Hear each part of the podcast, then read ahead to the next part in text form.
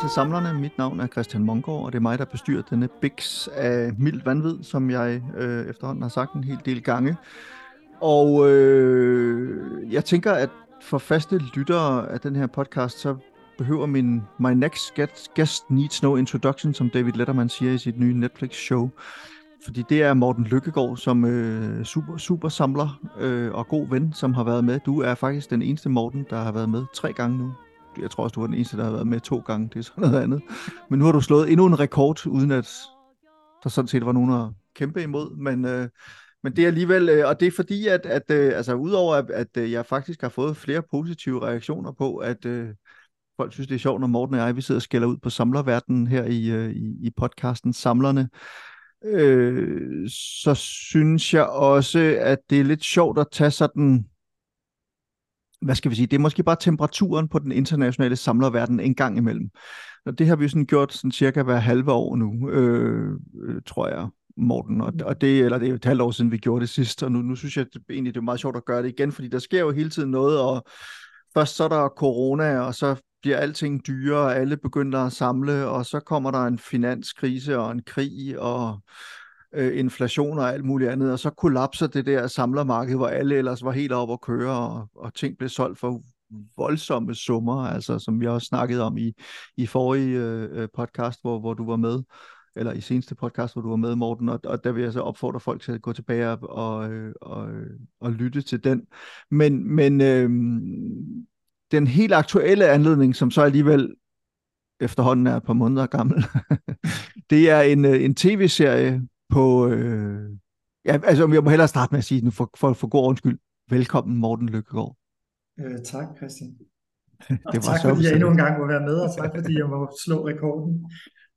Ja, men jeg synes, det er fedt, og jeg synes, det er altså også netop, fordi vi, vi, vi prøver ligesom at snakke lidt rundt om, vi snakker ikke nødvendigvis om specifikke ting at samle på, altså det kan også godt være, at vi kommer ind på det, men, men mere det der med at snakke lidt rundt om samlerverdenen, synes jeg er lidt sjovt, fordi vi, vi begge to følger med, og du følger også med i nogle ting, som jeg ikke følger med i, og, og, øh, og, og har sådan en, vil jeg sige, en naturlig og ret sund skepsis over for noget af alt det, der foregår, for ikke at sige vrede, for at få noget over for noget af alt det, der, der foregår rundt omkring i, øh, i den internationale samlerverden, som også virkelig er bizart. Og netop, og så for det bringer mig så tilbage til den der, øh, den der aktuelle anledning, som faktisk også er virkelig bizart et eller andet sted, når man ser reelt på, hvad det er, vi har med at gøre. Det var en, øh, nu klikker jeg lige over på den her på min computer, men det var en, en, en tv-serie, en dokument, en, altså en reality-serie, dokumentar, dokumentarserie, øh, øh, som hedder King of Collectibles, The Golden Touch, som bliver vist på, øhm, eller som man Netflix. kan se på Netflix. Og jeg tror, hvad er den? Er det, er det 10 afsnit, eller 6 afsnit, eller sådan et eller andet? Jeg kan ja, det er omkring, ja. Og de var sådan 35 minutter stykket, og de handler simpelthen om en, ja, en selverklæret konge af det at samle, eller af, af samle objekter er det vel nærmere, ja. som hedder Ken Golden. Og jeg ved ikke, Morten, altså vil du kunne fortælle bare ganske kort, hvem er Ken Golden sådan? Jamen, som sagt, så ganske kort, så er han ligesom vokset op i den verden. Altså, hans far havde selv et firma, der handlede med kort, altså baseballkort, fodboldkort, som jo er en stor ting i USA. Øh, og Ken overtog firmaet der i øh, start 90'erne, har det været. Jeg tror, faren dør i 1994. Øh, men der begynder det så også åbenbart at gå galt, og firmaet ender faktisk med at gå konkurs i 98 og er involveret i nogle skandaler øh, omkring nogle kort med øh, signaturer og autografer, som viser sig ikke at være øh, autentiske, øh, selvom det firma selv har garanteret for deres autenticitet. Og det er ikke fordi, at, at, at det er endelig dokumenteret, at Ken Goldin bevidst prøvede at snyde for det, er slet ikke det. Øh, men der har i hvert fald været nogle, altså det, man, han er en herre, der deler vandene, har jeg indtryk af, og der, der er visse folk, som betragter ham som lidt af en potentiel bedrager, og der er andre folk, som har... En charlatan måske? En charlatan, øh, øh, men altså, jeg, jeg skal ikke kunne sige det. Øh, nej, nej. Og så var der, altså det mindede mig lidt også nu her, hvor jeg sad og læste lidt om det igen, at det mindede mig sådan lidt om hele historien omkring Laurits her på det seneste, fordi der var også en, en del af debatten dengang var også, at selvom de godt var klar over, eller i hvert fald burde være klar over, at de var ved at gå konkurs, så bliver de ligesom ved med at modtage penge fra kunder og så videre, der så ender med at tage en masse penge. Jeg synes, vi skal lige vende tilbage til Laurits også. Det er faktisk godt, du nævner det, fordi det er, altså, det er jo et godt eksempel på et, et samler, altså et ret aktivt samlermarked, hvis man kan kalde det det, her hjemme i Danmark. Altså Laurits mm. øh, solgte jo mange forskellige ting, eller lavede auktioner over mange forskellige ting, men, men der var også et ret hæftigt samlermarked, ikke mindst for tegneserier, men også autografer og, og forskellige andre ting. Men lad os lige vende tilbage til det. Det er for lige at sige, altså, så, så, så det, det man kan sige, Ken Golden kommer fra, det er en tradition for at sælge, altså handle med baseballkort, som jo altså i hvert fald sådan i USA altid åbenbart har været en stor ting. Altså man har samlet på baseballkort, og så har man så på et tidspunkt også begyndt at kunne handle med dem, og så er det klart, så er der selvfølgelig nogle af dem. Altså jeg tænker, hvis man har sådan en Babe Ruth, et eller andet fra 1930'erne eller sådan et eller andet, så er den sikkert en milliard kroner værd og sådan noget, hvis den er i mint condition, og så videre, så videre, så videre. Så der er jo også et samlermarked der, men det der jo så er med Ken Golden, det er så, at han har, jeg tror bare, det hedder Golden Auctions, ja. som så er et, altså et auktionsfirma, som handler med og så har han jo så udviklet Bixen til, eller udvidet Bixen til, at det ikke kun handler om, om, om baseballkort, det handler om sportsmemorabilia i høj grad, men det handler også om alt muligt andet. Han altså, samler objekter, som han kan tjene penge på. Og det var i virkeligheden, som vi også lige snakkede om, før vi, vi, vi startede optagelsen her, altså noget af det største problem, jeg har med den her øh, øh, reality. Det er altså at kalde det en dokumentarserie, synes jeg er forkert. Altså, det, er re, det er en reality-serie, fordi den er skruet... Det er ikke en dokumentar, det er ikke en dokumentar. Nej. Den har slet ikke den der kritiske vinkel, som en dokumentarserie bør have. Og, og noget andet i, i serien, der introducerer han jo også øh, Peyton Manning, som er tidligere professionel fodboldspiller, som er en af hans gode venner til Sydlandet.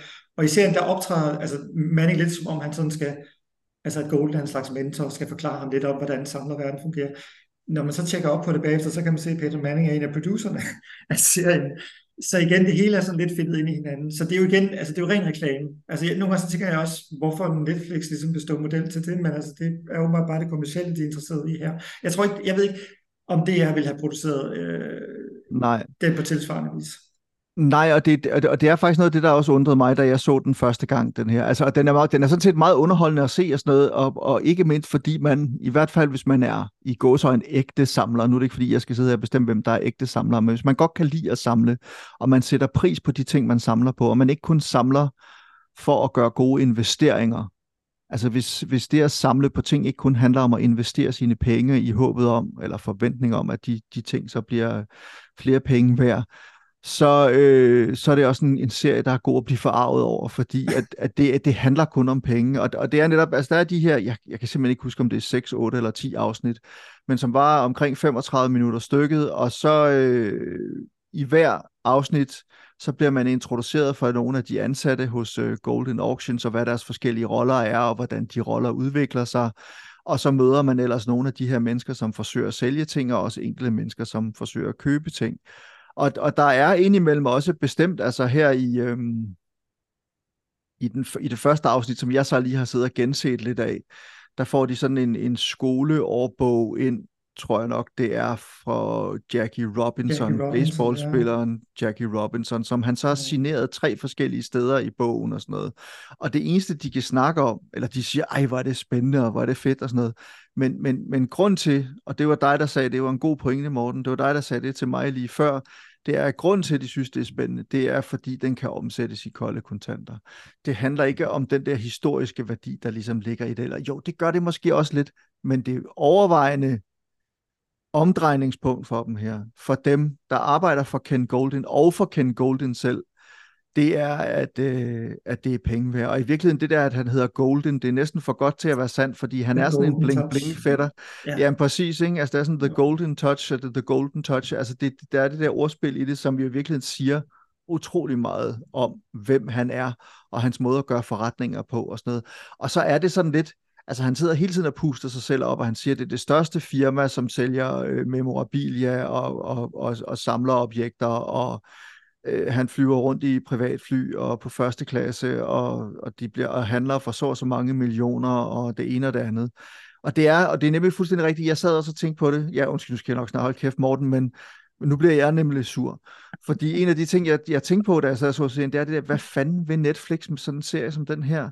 Altså jo, der er noget underholdende i at komme ind i den der samlerverden, og ikke mindst en samlerverden, hvor der er mange penge på spil. Men når det samtidig hele vejen igennem kun er reduceret til økonomi og til penge og den, altså den pekuniære, de pekuniære omstændigheder omkring et, et samlerobjekt, og det handler så lidt om, hvorfor vi samler, og, og hvad det er, der er det fede ved at samle, og hvad man får ud af at samle, og sådan nogle ting, så bliver man lidt ked af det, også mm. når man ser det. Og så er det, jeg tænker, det er ren reklame for Ken Golden. Altså det her, det er, det er ikke sådan, at vi er første afsnit hos Ken Golden, andet afsnit hos Prop Store i London, tredje afsnit hos Heritage i Los Angeles, øh, fjerde afsnit hos Sotheby's eller sådan et eller andet. Hvis man havde gjort det, altså det er lidt ligesom øh, Auktionshuset, som handler, den danske serie, der, der handler om Brun Rasmussen. Men der, der får man jo så i det mindste også noget at vide om de genstande, der, der skal sælges på auktionen og sådan noget. Men det var jo også groft sagt Danmarks Radios svar på, på den her Netflix-serie. Ja, ja, et, eller andet sted. Kampagne. Ja. Et eller andet som, sted som, som, som de så indstillede, da Jesper Brun Rasmussen kom i smålegale vanskeligheder. så, og, og, og, så, jeg, jeg, jeg lige hurtigt spørge dig, jeg skal lige hurtigt spørge dig, Morten, er det ikke er det ikke opsigtsvækkende eller bemærkelsesværdigt, hvor meget, hver gang vi nærmer os auktionsverdenen og jo. samler objekter og samler, hvor meget svindel der egentlig åbenbart jo, er? Jo, jo. Og ikke bare i USA, men som sagt også her i Danmark, og der har været forskellige tilfælde i Danmark, øh, og med store estimerede auktionshuse. Øh, der er vicedirektører for Brun Rasmussen, der har siddet fængslet også, og var det Nellemann auktioner i sin tid, der også kom i problemer med også at have taget et maleri øh, fra en kunde, øh, givet kunden det indtryk, at det ikke var noget særligt. Så tror jeg, det var konen, for det selvfølgelig skulle være et andet navn, der indleverede den til Christie's eller Sotheby's, og så, øh, du ved, er det, jeg kan ikke huske det, hvem det har været, det blev tilskrevet Monet, eller hvem det nu kunne være, og så bliver det solgt for forskellige millioner, ikke? Og det var også det, øh, Jesper det blev, Brun Rasmussen øh, kom i problemer for. Det var, det var præcis også noget, den samme. I, ja. noget i den du og jeg, som han var involveret i. Så, så ja, og øh, vi har også ham der, øh, hvad hedder han, Thomas Højl Lund, øh, som på et tidspunkt var Danmarks mest estimerede øh, altså mønthandler med sådan et auktionshus, der specialiserede sig ind på det. Han endte også i fængsel og havde altså rockerrelationer og blev dømt for noget hvidvask og det ene og det andet. Så det er øh, en lidt skummel branche åbenbart. Ikke? Og det er det samme med, altså når vi også sidder og snakker om, nu nævner du også Heritage som en af de andre store, ikke? Jamen, Jim Halperin, ikke? Som, som er ejer af Heritage, er jo også en person, der har problemer med lån, og der er også en, en forkædret, som også har nogle relation til Ken Goldie. De har også begge to været involveret i al den der debat omkring øh, hele det med de der øh, computer-videospil, der pludselig steg så vanvittigt i værdi. Øh, og hele debatten omkring, hvorvidt det også bare var et eller andet internt aftalt spil der. Ikke? Så, så jo, det er lidt broget. Og selvfølgelig, som vi også så senest med Laurits, øh, men der er sådan en, altså det er ligesom om, der er sådan en grådighed i den der verden, ikke? Altså at, at, at, det, at det starter måske med, at man samler på noget og synes, det er spændende og sådan noget, men så bliver man grådig, og så kan man ja. pludselig se, at der er penge i det, eller et eller andet, eller også kommer man ind i det som, altså, som ren investering, at man ligesom kan se, at man synes, der er et marked der og sådan noget. Der var også, jeg sendte dig på et tidspunkt øh, et link, eller et, en, en opfordring til at se en serie, en, en svensk dokumentarserie, som ligger på DR.dk. Oh, møntsamlingen, ja. Som, som handler om, om, om den kongelige møntsamling i, øh, i Stockholm, som jo så simpelthen er, og så i øvrigt en, en møntsamling, som også var i Göteborg, tror jeg det var, som begge var blevet lenset for, øh, for forholdsvis mange mønter og, og, og ret store værdier. Og det viser sig, at den ene af dem, altså den kongelige møntsamling i Stockholm, der var det sgu selveste direktøren, der havde hugget. Ja. Men i høj grad havde gjort det netop fordi han var, og, og der kan man tale om en rigtig samler, han havde ovenikøbet skrevet en tekst til en af udstillingerne på øh, den kongelige møntsamling, hvor han har skrevet om den her, det her øh, begær og den her passion og det milde vanvid, der kan gribe en samler, hvor man bare ikke kan lade være. Man skal samle, man kan simpelthen ikke lade være. Og det greb ham selv så meget, at han begyndte at tage af, af samlingen. Og så var der en anden en, som var sådan en højt estimeret arkeolog og historikere og forskere og alt muligt andet, som, øh, som åbenbart havde gået og hugget mønter, inklusive mønter fra den kongelige møntsamling, fra, helt tilbage fra han var ja, knægt. han var 14 eller sådan noget. Ja, det er rigtigt. Der huggede han sin ja. første, og så forsvandt han ligesom lidt ud af det, og, og så hørte man, så lige pludselig så begyndte der at forsvinde ting andre steder fra, og så viste det sig, at, at den her højt estimerede øh, historiker og arkeolog, at, øh, at det var ham, der havde gået og bøffet af, af kassen, om jeg så må sige igen. Ja. Og de, de, de, de nogle andre, de er lidt nogle andre typer, ikke? Altså, fordi når vi taler om de der uh, gold, eller sådan, hvor, de, hvor de bare kun er drevet af sådan pengebegær til synligheden, ikke? Så er de der mere sådan nogle, lidt nogle stakler, ikke? Fordi de, de har jo den der samlermani. Altså, de, de er egentlig mere selvdestruktive. Altså, øh, direktøren der for den kongelige møntsamling, at man ser jo også de scener, hvor man er hjemme i hans øh, lille, lidt halvtriste lejlighed. Altså selvfølgelig på det tidspunkt er han detroniseret, men alligevel man fornemmer hele tiden, at det var jo ikke på grund af pengene, han gjorde det. Det var ikke, fordi han omsatte det til, til et eller andet, man ville forbinde med luksuriøs livsstil. Det var fordi, der var nogle bøger, han også gerne ville have fat i, og nogle frimærker og sådan nogle ting. Så altså, set med andre, eller sådan en ikke-samlers øjne, så virker det jo endnu mere absurd, at man øh, sætter altså, han har det her sådan meget agtværdige job, og er på god fod med den svenske konge og det hele, og så mister han alt på grund af det der underlige begær, ikke? Jo, og det er jo også, øh, og så hænger det jo så alligevel sammen, fordi du har fuldstændig ret, der er meget stor forskel på Ken Golden og så på, på de her mennesker i den her svenske dokumentarserie, men det der jo så knytter dem sammen, kan man sige, det er, at deres begær eller deres mani, eller den her, det her med ikke at kunne styre det, men er nødt til at at stjæle noget for at kunne sælge det, for at kunne købe nogle andre samlerobjekter, for eksempel bøger eller frimærker eller et eller andet. Det er jo også sådan noget af det, som sådan en som Ken Golden, han lever af i gåsøjne. Ikke? Altså han lever af at skabe det der behov hos folk og, og få presset citronen så meget som overhovedet muligt. Jamen spørgsmålet, nu så tænker man sådan nogen som Golden, og når man er oppe på det niveau, altså man sælger kort til et eller andet 5 millioner dollar eller sådan noget, så er spørgsmålet, hvor meget henvender sig man, man sig egentlig til reelle samlere? Altså er det ikke efterhånden bare investorer, der, altså, der, der kører det show, tænker jeg nogle gange. Ikke? Jo, Samlerne er, er jo for længst koblet af. Øh, altså det virker for mig som om, at når ting når en vis værdi, så, så mister de jo enhver som brugsværdi. Så mister de faktisk det at være en collectible, en samlergenstand i det der mere rene forstand. Og så bliver det til noget meget mere abstrakt. Så bliver det til en investering, så bliver det til en aktie. Så bliver det til noget, der bliver låst væk i en bankboks, i, i en del år, indtil man har vurderet, at man har fået øh, det ud af øh, sin investering, man skal have. Ikke? Og derfor, selvom det kan lyde voldsomt at sige, at øh, vedkommende har givet 5 millioner dollar for, for det her værk, i en vis forstand har vedkommende jo ikke givet 5 millioner dollar for det værk, fordi vedkommende har ikke givet 5 millioner dollar for at nyde det værk. Det ville være passion, ikke? hvis du elskede det værk så meget, at du ville give 5 millioner dollar bare for at have det. Men det handler det jo ikke om. Du giver 5 millioner dollar, fordi du vurderer, at det her det er en sund investering. Jeg kan enten smide mine 5 millioner dollar her, jeg kan også sætte det i nogle aktier her, men om to, tre år, fem år eller whatever, så har jeg måske tjent 30 procent, 50 procent. Så det, igen, det har ikke en skid at gøre med en reel anerkendelse. Altså det kan de jo også godt lide at tale om, at nu er det endelig blevet anerkendt, og det betyder, at vi virkelig nu øh, værdsætter de her sådan, popkulturelle artefakter. Det, det, det mener jeg ikke nødvendigvis, at der er en sammenhæng i forhold. Det, det er kun blevet anerkendt som en form for øh, investeringsgenstand på lige fod med andre ja. investeringsgenstande. Ikke? Ja, eller også er det blevet anerkendt, fordi det er en investering, eller fordi det kan, kan være en, en Ja, en, men så er, det blevet, så er det blevet anerkendt som en form for, hvad skal man kalde sådan noget, altså en form for valuta bare, eller en form, mm. altså det har bare sådan en, en, en transaktionel øh, betydning. Ikke? Det kan omsættes, ikke? det kan ja. omsættes til flere penge, men hvad det er i sig selv, det er egentlig ret øh, underordnet. Mm. Men det er vel også derfor, vi kan vel roligt konkludere, at den her podcast, Samlerne, ja. den er for alle dem, der samler af et rent hjerte, ikke Morten? Altså, det jo, er jo ikke... Ja. Øh, altså, nu lyder vi sådan meget selvopfærdigt. Jeg tænker nogle gange det der med et rent hjerte, ikke? Fordi der er også folk, der synes, at jeg sikkert er en værre øh, krammer, eller, altså, fordi jeg kan jo også godt lide, jeg har altid godt kunne lide, det skal jeg da ærligt tilstå, jeg har da altid godt kunne lide også at tjene nogle penge på det, jeg samler. Altså du ved, jeg samler primært på det, jeg elsker, og det jeg selv samler på, det, det er på grund af min kærlighed til de tegnesager for eksempel, og de tegnere. Øh, men jeg har jo også altid haft en del af mig, der synes, det var fedt at finde noget, og så tænkte, ej, jeg fandt noget til en 50'er, og så solgte jeg det skulle for 1000 kroner, eller 500 kroner, eller et eller andet. Så øh, ja, ja. det der, når man sådan det siger ren også... kærlighed, ren mm. kærlighed med sådan lige drøbet lidt øh, egocentrisk pengebegær, hvad, hvad, hvad man nu skal kalde det. Jamen, så, så er jeg mere renhjertet end dig, for jeg kunne aldrig finde på at sælge noget. Du er, meget mere, ja. du er et meget sødere menneske, og, og et godhjertet menneske, men det er du jo.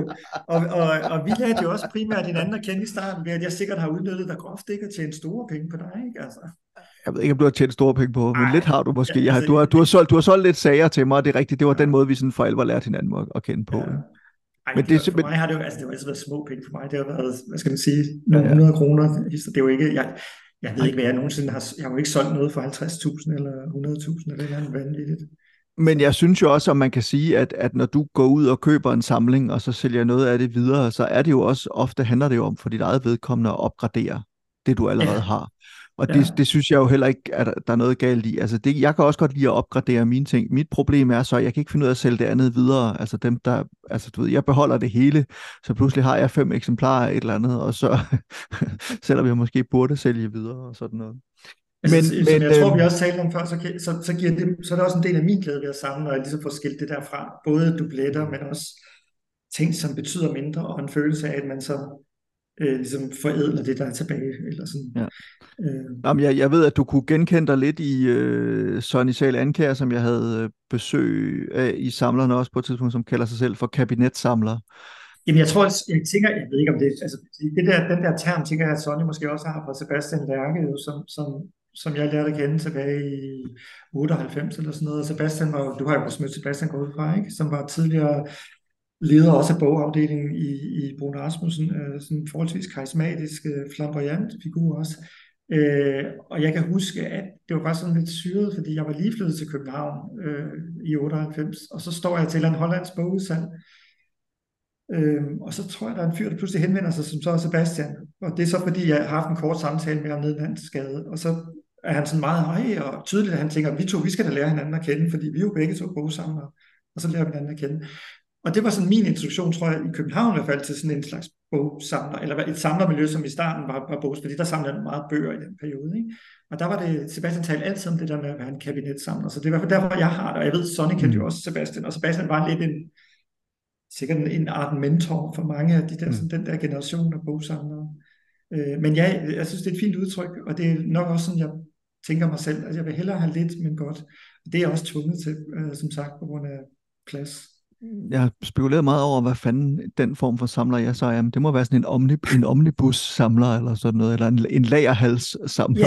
Ja, altså, ja, ja, jeg ved ikke, om man skal kalde det, altså.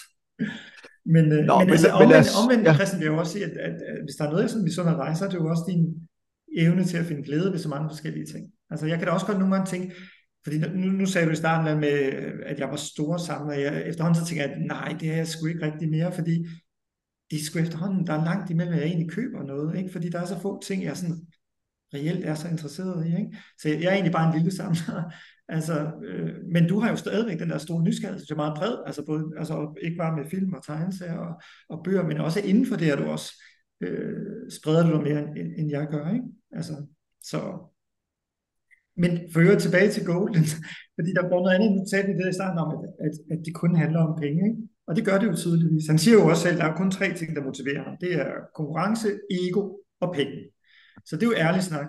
Men, men det, der gør det sådan lidt klædt, nu talte vi om det med Jackie Robinson, ikke? Og det er jo også det der med, at så skal man have den der historie, han lige får klistret på omkring, altså øh, den amerikanske historie omkring øh, civil rights, og han er den første sorte, og så videre.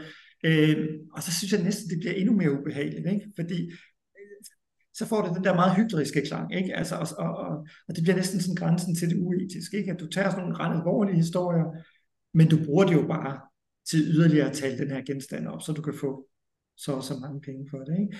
Og det der, den måde, jeg ved godt, det er lidt en amerikansk ting, men den der måde, de taler om, de elsker at tale om sådan noget passion, og, og altså selv, jeg ved ikke, om du kan huske det, men i et af de senere afsnit, så tager han jo over til en eller anden gut, jeg kan ikke huske, om det er Puerto Rico, han bor i, eller, og som har øh, en eller anden, den, den største samling af, af de her jerseys, øh, trøjer, øh, Spor- Sportstrøjer, ja. sportstrøjer, ja. Øhm, og så tager han sin datter med, ikke? som virker sådan, lidt som sådan lidt en forkælet, uh, entitled uh, kid der, ikke? Men, men øhm, og så sidder han sådan over for den her også meget sådan selvhøjtidlige mand, der ejer den her millionsamling, og så siger han et eller andet øh, ja, familie betyder jo rigtig meget for mig, og sådan noget, ikke? Og så sidder Ken Goldie, ja, det betyder også rigtig meget for mig.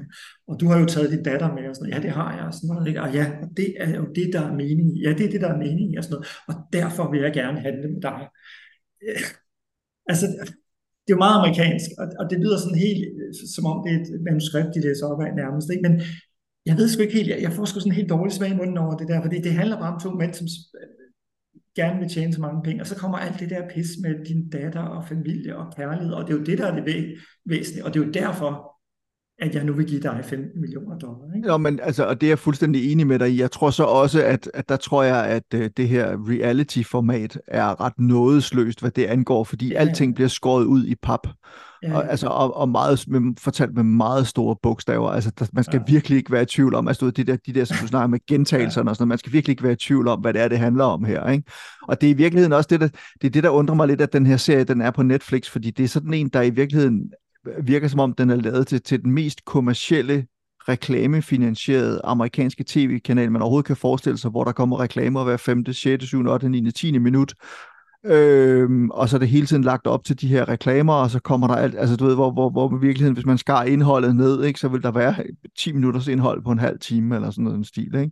Jo. Og sådan er det sgu også lidt her, når man sidder og ser uh, King of Collectibles. Øh, Altså, altså hele, hele måden, når du ser altså bare den første scene i første episode, ikke? Øh, hvor, hvor, hvor du kommer, og det er selvfølgelig privatflyet, ikke? Privatflyet, det er det der ikoniske trope nærmest, ikke? Altså når først du har det der privatfly, så ved du bare, okay, det er bare the shit, det her, ikke?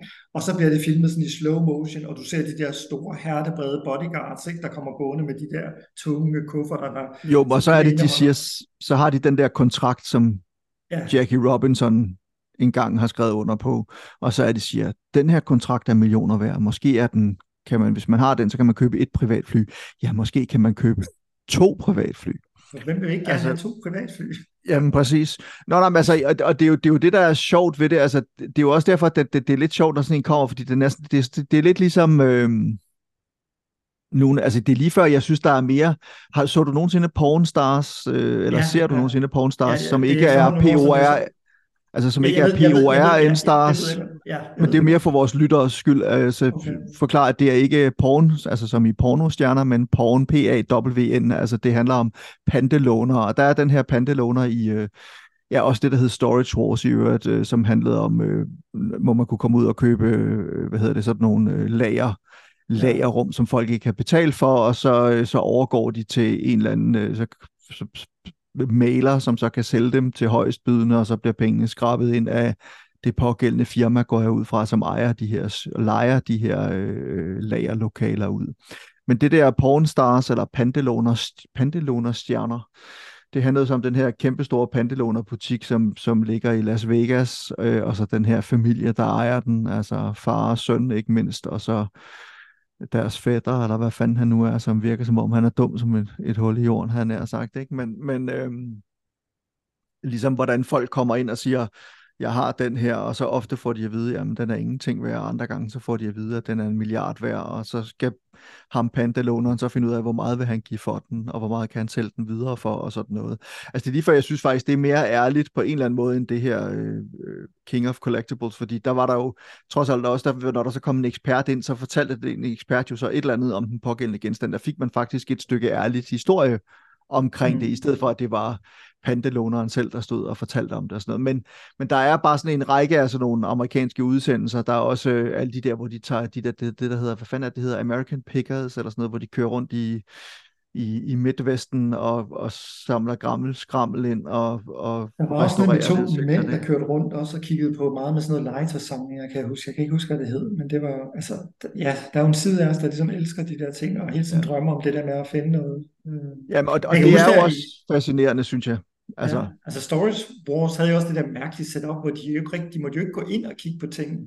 Så det var det med, så stod de alle sammen der foran, og så bliver døren ligesom åbnet i, altså jeg ved ikke, et minut eller et halvt minut eller et eller andet, ikke? og så kan de sådan stå lige og kigge, og så lukket igen, og så skal de byde, ikke?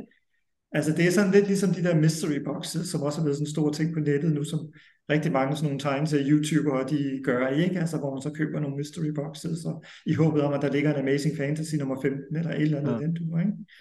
Så Men- hele men- det der med, at det handler om at begivenheden i sig selv, det handler ikke så meget om tingene, men det handler om, om at køre det op til, på en måde, sådan, at skabe den der følelse af spænding og intensitet. Ikke? Men, men det er meget sjovt, fordi jeg har, noget af det, jeg har siddet faktisk og set en del af her på det seneste, det er både sådan gamle og nye af, afsnit af den britiske serie, der hedder Antiques Roadshow, ja. som jo, hvor det simpelthen er BBC, der tager rundt til, altså, et, de, de besøger et stort gods et eller andet sted i England, og så inviterer de folk til at komme med deres øh, antikke genstande eller samler, ge- samlerobjekter og få dem vurderet af deres eksperter.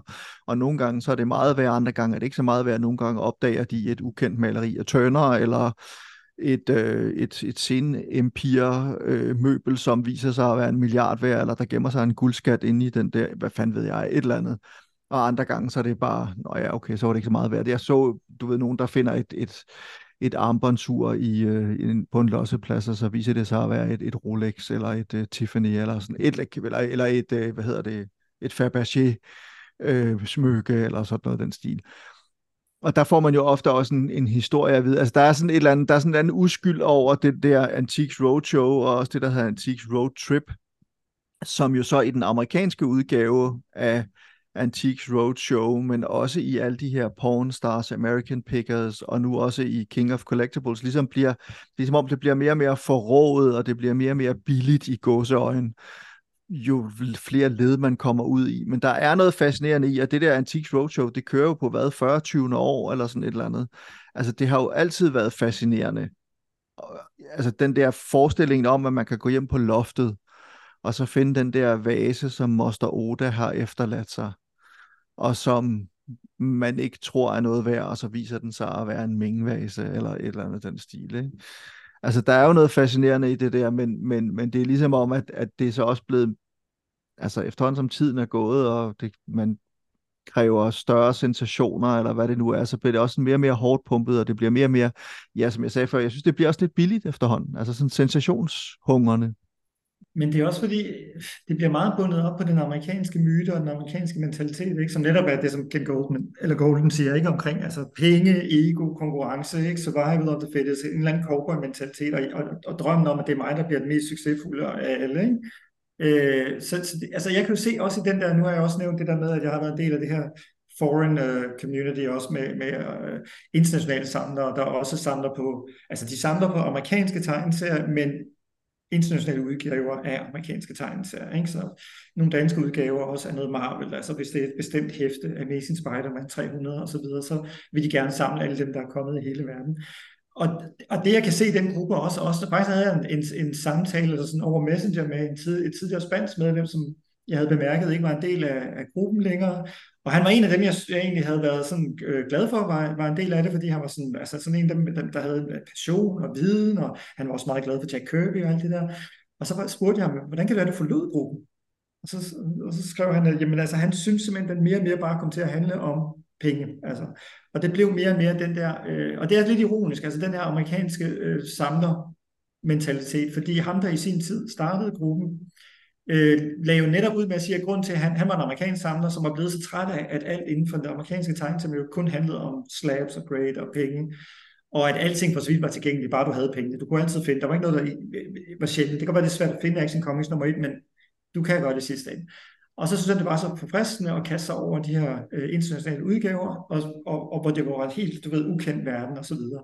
Men det man så kan se er sket i den gruppe inden for de seneste år, det er jo også, at, at den der, ja, den amerikanske mentalitet begynder at krybe ind, at, at nu handler det igen om, at alle de her tegnelser, de skal helst sendes til CTC for at blive graded og slapped.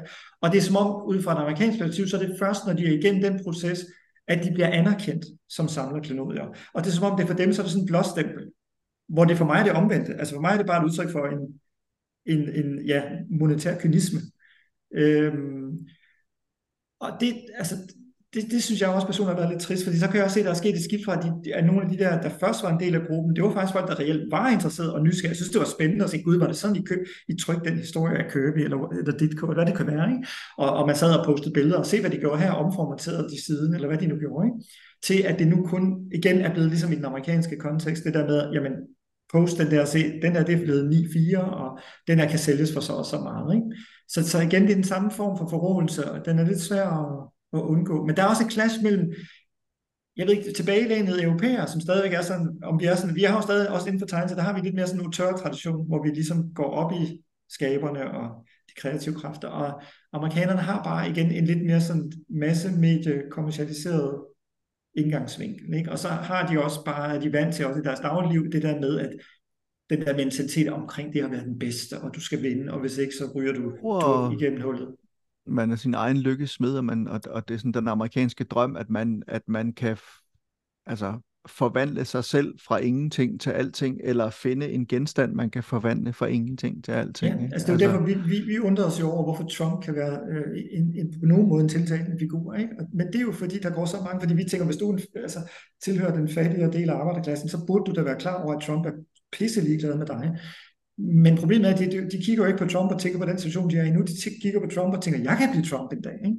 Så amerikanerne har jo hele tiden den der drøm om at blive noget mere. Og det er også det, Golden repræsenterer. Det er mere og mere og mere. Det er at blive større og større og større, som du siger. Og det er jo også det, der sker med det auktionshus, at de altså udvider sig. Han kaster sig over flere. Han har også kastet sig over tegneserier nu. Ikke? Og det er det med hele tiden at kunne øh, vise verden. Ikke? Altså igen øh, med den klassiske metafor, som er privatflyet. Ikke? Altså, det minder mig igen om, nu springer jeg lidt, men vi har jo tidligere talt om for eksempel den der famøse øh, Pokémon papkasse, som Logan Paul efter sigende købte til 3,5 millioner dollar. Det viser sig nu, at det gjorde han jo faktisk ikke. Altså der er jo lige kommet nogle nye øh, episoder ud, som jeg sad i går aftes og så, ham der, der kalder sig Rattle Pokémon, som er ham her, sådan, som en af de der internetdetektiver. Ikke? Øh, og der er jo de her to, Copyzilla og så Rattle Pokémon, så begge to har været ude efter Logan Paul, og begge to har ligesom taget Logan Paul i, i, i adskillige sådan, øh, lyssky affærer, ikke? med øh, forskellige former for øh, krypto, ding doing, tror jeg, den hedder, hans kryptovaluta, og øh, øh, hvad hedder det der, øh, Crypto Zoo, tror jeg det hed, som var hans NFT-ting, som også viste sig at være det rene bedrageri. Og igen, masser af hans fans, der har tabt tusindvis af dollars på det. Og så senest, som vi har diskuteret tidligere, uh, Liquid Marketplace, jeg ved ikke, om du kan huske, vi snakker om det. Og et eller andet sted er Liquid Marketplace den, den naturlige konsekvens af alt det, vi snakker om nu. Fordi hvis du når et punkt, hvor det ikke længere handler om, at noget skal være en reel samlergenstand, som du skal nyde, og du taler meget om tekstur i dine samtaler, ikke? Og, mærker og alt det, og jeg er fuldstændig enig, jeg har det jo på samme måde. Øh, men hvis det efterhånden er blevet helt irrelevant, og det kun handler om den monetære værdi og investeringen, jamen så når man også det skridt, hvor man, og, og, og du for eksempel øh, synes, det er fedt at have tegnsæt, der, der ligger i de der plastikkister, ikke? jamen så er næste naturlige skridt selvfølgelig, at du ikke engang behøver at have den fysiske genstand længere. Du er jo egentlig primært en tid inden for at tjene penge. Så hvorfor ikke bare investere i genstande, som er øh, på den anden side af jordkloden? Og så kan du både have en eller anden form for, øh, du ved, bragging rights, hvad hedder sådan noget, man kan få lov at prale lidt af, at øh, hey, jeg, jeg ejer faktisk delvis, du ved. øh, og det var jo noget, som Logan Paul startede i sin tid sammen med nogle andre. Og det, Rattle Pokémon har jo lavet mange øh, afsnit, der har fokuseret på det, fordi det så tydeligvis også virker til at være lidt af et skam. Ikke? Øh, der er mange ting omkring det, der har været problematisk hele vejen igen. Og nu er det hele, ved at, hele korthuset ved at falde sammen. Øh, det viser sig også nu, at der er flere, der har forladt det her såkaldte firma. Der er folk, der ikke får løn, fordi de har faktisk ikke rigtig fået så mange penge ind igen øh, deres såkaldte CEO øh, øh, var indtil øh, 2021, hvor han pludselig starter det her firma sammen med Logan Paul, der arbejdede han i sin fars øh, sådan noget brolæggerfirma, eller sådan noget, hvor man lægger cement og sådan, ikke? Øh, han er ikke så præsteret som, som han kom fra sådan et meget, du ved, prestigiøs baggrund, og en iværksætter, og store armbevægelser osv., ikke? Men pludselig fra det ene punkt til det andet, så har han åbenbart øh, sat i den der position. Du må ikke spørge mig, hvordan det øh, kom i stand, Øh, men, øh, og poster nu ufattelig mange billeder på Instagram med sine øh, ja, trophy wives eller girlfriends, som Bradley Pokémon kalder dem, altså du ved, hvor det er en masse bling bling og guld, og så køber han en Porsche, og så køber han en øh, BMW, og så er de på øh, omtrent øh, 25 ferier om året og så videre. Ikke? Så det er jo bare der, hvor pengene er råd hen, de penge, der er kommet ind i firmaet, ser ud til. Ikke? Øh, det, der så viser sig nu, øh, det er også, at hele den der kasse, vi talte om, den famøse papkasse, ikke? Øh, som i, åbenbart i sin tid var der en eller anden gut, Justin i Canada, der havde udbudt den på eBay. Kan vi lige hurtigt, bare lige hurtigt fortælle, hvad kassen er? Altså, det er en kasse med angiveligt uåbnet Pokémon-kort. Ja, fra den første produktion af Pokémon. For, og, og det vil sige, hvis det er rigtigt, så er den potentielt mange penge værd. Så er den potentielt mange penge værd, men det er jo stadigvæk en papkasse.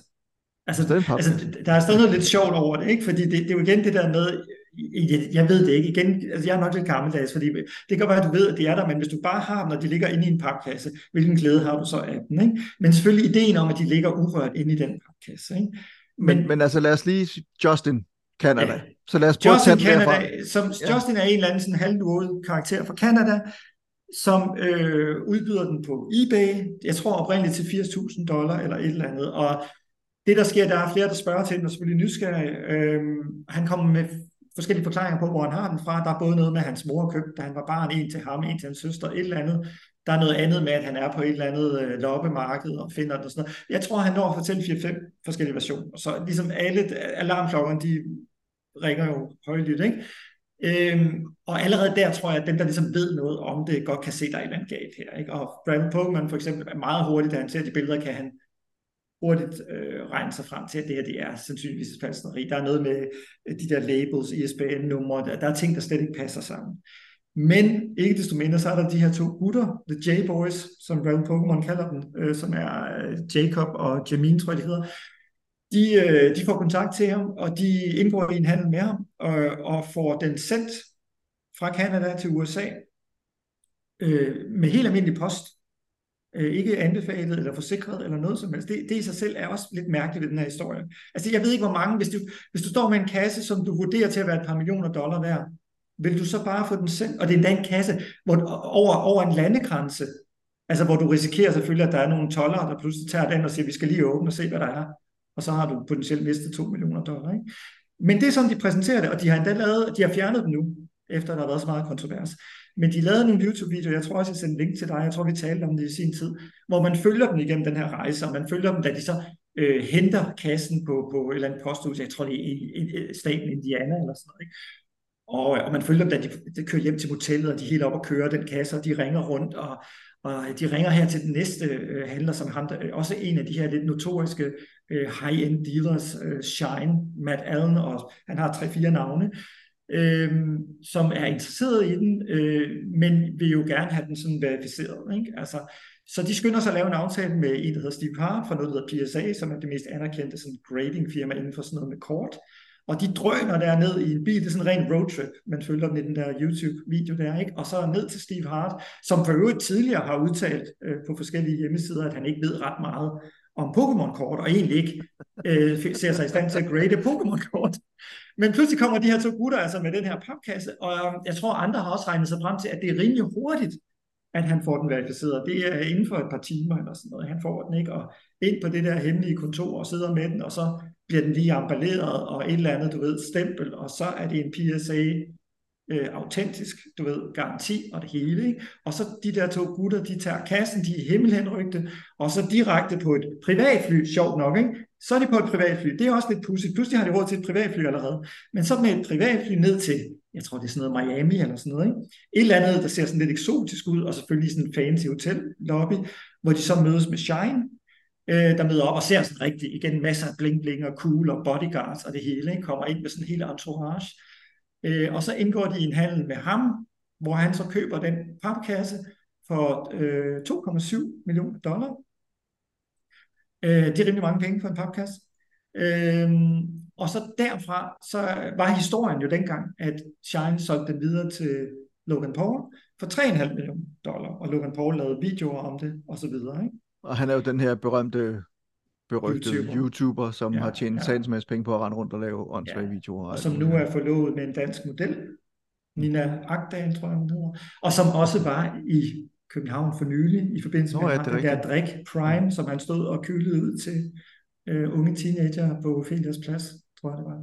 Så ja, altså, og han er jo en lidt, igen også en sådan lidt forkædret, øh, altså han havde jo også den her situation mange år siden, hvor han gik rundt i den her skov i Japan, øh, som blev kaldt Selvmordsskov. Selvmordsskov, ja. ja. Mm. Og der var et tidspunkt, hvor han lige var kortvarigt sådan cancelled, men han vendte jo så stærkt tilbage, og han er jo nu mere berømt end nogensinde, og har kastet sig over med wrestling og så videre. Nå, men det korte og lange det er, at den der kasse blev meget diskuteret i sin tid. Øh, Rattle Pokémon var ligesom den, der primært var ude og sige, at der er noget dybt øh, galt med det her, det er tydeligvis ikke en ægte, og bla bla bla. Og til sidst så giver Logan Paul efter for presset, og så, øh, så er der jo den video, som jeg går ud fra stadigvæk ligger på YouTube, hvor man ser ham sidde blandt andet også med Shine, og med ham Steve Hart fra PSA, og øh, Michael Goldstein, The Pokejew, som han kalder sig, som også er en øh, berygtet og øh, øh lidt, øh, lidt ufine kanter. størrelse. Anløbent ja. størrelse, ja. Det, var, det skal lige siges, han spillede også en rolle i alt det her. Det var ham, der oprindeligt garanterede øh, Jacob og Jamin, da de købte den af Justin, at det var en autentisk papkasse. Jeg er så Det imponeret folk. over, hvor, hvor godt du har styr på, øh, på alle de her navne og det her forløb, men jeg ved Ja, også, det er noget, de du har fordybet de, og de, det. de, de begynder alle sammen med, med J, ikke? Det, det forvirrer, ikke? Øhm, nej, men det er bare, det, faktisk så hænger det hele sammen. Altså, det er jo rent sådan noget, jeg ved ikke, er det Ocean's Eleven? Hvad? altså, du ved, det hele det er sådan ligesom connected på en eller anden mærkelig måde. Fordi, igen, øh, Michael Goldstein er indblandet allerede på det her tidlige stadie. Altså, det vil sige, fra det, fra det øjeblik, hvor, hvor pakken skal sendes fra Canada til USA, der, der får han øh, billeder, som han vurderer ud fra, og giver besked til de her to, Jacob og, og Jamin, at ja, den er god nok, den skal I bare købe, og så videre. Øhm, og han er for øvrigt også på det tidspunkt øh, god ven, eller i hvert fald en, der også forsyner Logan Paul med Pokémon-kort. Det man så kan undre sig over, det er, hvis han er med fra så tidligt stadie, hvorfor er det så ikke, at han allerede der henvender sig til Logan Paul, som jo i sidste ende til sydenlandet giver 3,5 millioner dollar, i stedet for, at han hjælper de her to gutter med at sælge den til Shine for 2,7 millioner dollar, hvorefter Shine så kan indkassere knap en million dollar på at sælge videre til Logan Paul. Det er også mærkeligt. Der er mange ting i det her, der er mærkeligt, ikke? Øhm, men ja, Logan Paul giver efter presset, så han laver en YouTube-video, hvor han åbner den sammen med alle de her The Usual Suspects, og det viser sig selvfølgelig at være øh, G.I. Joe-kort, fuldstændig værdiløse G.I. Joe-kort, og Steve Hart kigger og siger med, nu med sådan helt famøst, der nærmest blevet sådan en meme, we all got duped, didn't we? Så vi blev til synligheden alle bedraget eller taget ved næsen, ikke? Det, der så viser sig nu, det er, at man begynder at mistænke, at måske blev de ikke taget ved næsen. Måske var de godt klar over det fra starten. Øh, fordi det, som Brad Pokemon, han sidder og graver lidt i det nu, og har, altså, er begyndt at lave nogle videoer om det. Øh, og Shine, ham der til synligheden solgte øh, kassen for 3,5 millioner dollars til Logan Paul, har nu indrømmet, at han aldrig nogensinde modtog 3,5 millioner dollars for Logan Paul. Det kom aldrig på tale, fordi det, der skete, det er, at det viser sig, at fuldstændig samtidig med, at, de, at den her papkasse, den pludselig dukker op, der bliver Liquid Marketplace grundlagt. Og hvis der er noget, der egner sig godt til at markedsføre Liquid Marketplace, så er det den her Pokémon. Og hvis der er noget, der egner sig godt, hvis nu, at det er et falseri, til at ingen nogensinde skal finde ud af det, så er det jo selv en genstand, som sælger eller som køber aldrig nogensinde kommer i berøring med. Så hvis nu den skide Random Pokémon bare havde holdt sin kæft, ikke? så kunne de have kørt. Så det, jeg også tænker, det er jo hele, den her, det hele det her narrativ med alle de her karakterer, så, hvor der bliver lagt øh, YouTube-videoer løbende ud, og så videre, og Logan Paul også, og så videre. Alt det er jo en del af den her hype, de er ved at bygge op. Det er et rent sådan marketingkampagne, som skal bruges til at, at lancere Liquid Marketplace, og som skal bruges til, at de så smækker den på Liquid Marketplace, og så sælger de den i de her sådan fractionized assets, i, øh, i de her tokens, som det hedder, ikke? at de bliver, det bliver tokenized, den bliver konverteret til de her digitale enheder på the blockchain, fuldstændig ligesom man gør med NFT'er. Og så kan øh, sagsløse samlere få lov at købe, øh, du ved, 0,2 procent af, af den mest øh, berømte papkasse i verden. Ikke? Men den plan går jo så galt, fordi Rattle Pokémon begynder at lave alt det her på styr, og han poster de her videoer, og der kommer en masse negativ opmærksomhed omkring det. Så til sidst går jeg ud fra, at Logan Paul tænker, at vi bliver nødt til at åbne så jo, ikke? Og det gør han jo så. Og så, så, så for det øjeblik, så kan de jo selvfølgelig ikke bruge den på Liquid Marketplace, fordi så har den mistet sin værdi. Og jeg siger ikke, at Logan Paul ved, at det er et falskneri. Det er, det er uklart. Altså det er uklart, hvem der oprindeligt, altså skal vi helt tilbage til Justin, som man går ud fra, han må i det mindste vide det, den oprindelige sælger med de fire-fem forskellige versioner af, hvordan han fik fat i det. Han må vide det, trods alt. Spørgsmålet er så, har, har Jacob og Jamin vidst det? Har Shine vidst det? Har Logan Paul? Det, det ved vi selvfølgelig ikke. Men det vi ved, det er, at de har været skide ligeglade med indholdet. Det har været, for dem været fuldstændig irrelevant, om der var G.I. Joe-kort eller Pokémon-kort. Det, der, det har handlet om for dem, det var, at hvis vi kunne få den på Liquid Marketplace, og få angivet, at den havde en værdi på 3,5 millioner dollar, fordi Logan Paul til synligheden har købt den for 3,5 millioner dollar, hvilket han så ikke har. Shine fik aldrig 3,5 millioner dollar. Jamen, så kan vi så indkassere de penge fra forskellige investorer. Ikke? Øh, og det går så galt. Øh, så jeg synes, det, det er en ret vigtig pointe, når man nu i så lang tid er gået ud fra, fordi Logan Paul lavede jo også video omkring, jeg har mistet 3,5 millioner dollar, jeg har blevet taget mm. ved næsen og så videre. Se den her video, jeg har lavet om, om da jeg mistede 3,5 millioner dollar på at købe en papkasse. Ikke? Og det er simpelthen løgn. Det er løgn og latin, og det har Shine nu, og det er optaget også. Det har han bekræftet nu, at det passer ikke. Det, der så er Shines øh, udlægning nu, det er, øh, ja, fordi noget andet, jeg lige skal tilføje her, ikke? det er, når vi siger Liquid Marketplace, hvis du så tjekkede deres hjemmeside, jeg sendte faktisk også e-mail til ham alle Pokémon, fordi jeg fandt ud af, også med YouTube-kanaler, hvad der stod under de enkelte øh, implicerede. de er alle sammen relateret til Liquid Marketplace. De er alle sammen en eller anden funktion for Liquid Marketplace. Michael Goldstein, the poker dude der på starten, har også en eller anden strategic advisor, bla bla bla, du ved. Øh, Shine er også på som sådan en advisory board. Øh, Logan Paul selvfølgelig, og så videre, og så videre. Ikke? Så det virker som om, når man ser den optagelse, hvor de sidder oprindeligt og skal åbne den kasse, så er det interessant at se, at alle dem, der sidder der stort set, har noget at gøre med Liquid Marketplace. Og det viser sig også, at ham, der er CEO for Liquid Marketplace, også var til stede, da den det, man, Så hvis man nu skal konspirationsteoretisere en lille smule, ja, så kunne man ja. forestille sig måske, at ham, der har solgt den til at starte med, mm. at han måske har troet, at den var ægte. Fordi han, altså det, det kan jo også være, at grund til hans forklaringer... Om det kan jo godt være grund til hans, jamen det kan jo godt være grund til hans forklaringer, de skifter sådan, at fordi den er stjålet. Altså det kan jo godt være, at den er stjålet et eller andet sted fra, eller et eller andet den stil. Det kan altså, også det, være, at han har forsøgt at svindle. Men jeg tænker ja. bare, at, at, at jeg kunne forestille mig, at, at det de har set deres snit til, det er, jamen hvis vi for 80.000 dollars kan købe den her, og så få dens værdi bygget kunstigt op over nogle led, så den ja. til sidst koster 3,5 millioner dollars, ja. jamen så har vi et, et godt sted at begynde ja. vores, øh, vores liquid marketplace øh, og begynde at sælge de her øh, ja, elektroniske udgaver eller andele og det, af, af, Og det er, det er højst sandsynligt det, der er sket. Mm. Og det er jo det, man kalder en pump and dump også. Ikke? Altså, altså de pumper det op, de pumper værdien op, og så får de hentet en masse penge ind. Og så typisk på et tidspunkt, så vil de jo omsætte det til reelle penge. Også fordi i sidste ende viser så alle de her folk, der tror på NFT og krypto, de tror ikke så meget på det sidste ende, fordi de står jo bare og venter på, at det ligger på et niveau, hvor de kan konvertere det til cool cash. Ikke? Og hvis de virkelig var så idealistiske og troede, at det, det var fremtiden, så skulle man da tro, at de ligesom bevarede de her investeringer. Men mange Men alt, alt, alt, øh, altså alt det der er jo også, alle de der bobler er jo bristet efterhånden, ikke? Eller... Ja, ja, altså hvem fanden samler på NFT længere, ikke? Ja. Jo, jo. Ja, ja, men du har ret, altså, hvem, altså ligger du søvnløs hver nat og tænker på, at du skal have den der uh, Board Ape NFT, som du ikke har fået i din samling endnu? Øh, nej, jeg troede, det var et retorisk spørgsmål. Nå, nej, men altså, nej, det var et reelt spørgsmål. Nå, nej, men der kan man også sige, for du, for du og jeg, der, der handler det jo meget om det, der, det taktile, som jeg snakker om. Altså, at man også har en fysisk genstand. Altså, der er jo meget værdi for mig, når jeg samler, så er værdien jo knyttet op i den fysiske genstand, og jeg, jeg har meget svært ved at forestille mig, at jeg bliver glad for noget, der er elektronisk. Altså, eller ligger der digitalt, altså hvad enten det er en NFT eller noget på Liquid Marketplace, eller tanken om, at jeg måske ejer en femtedel af et eller andet, altså det vil jeg slet ikke kunne.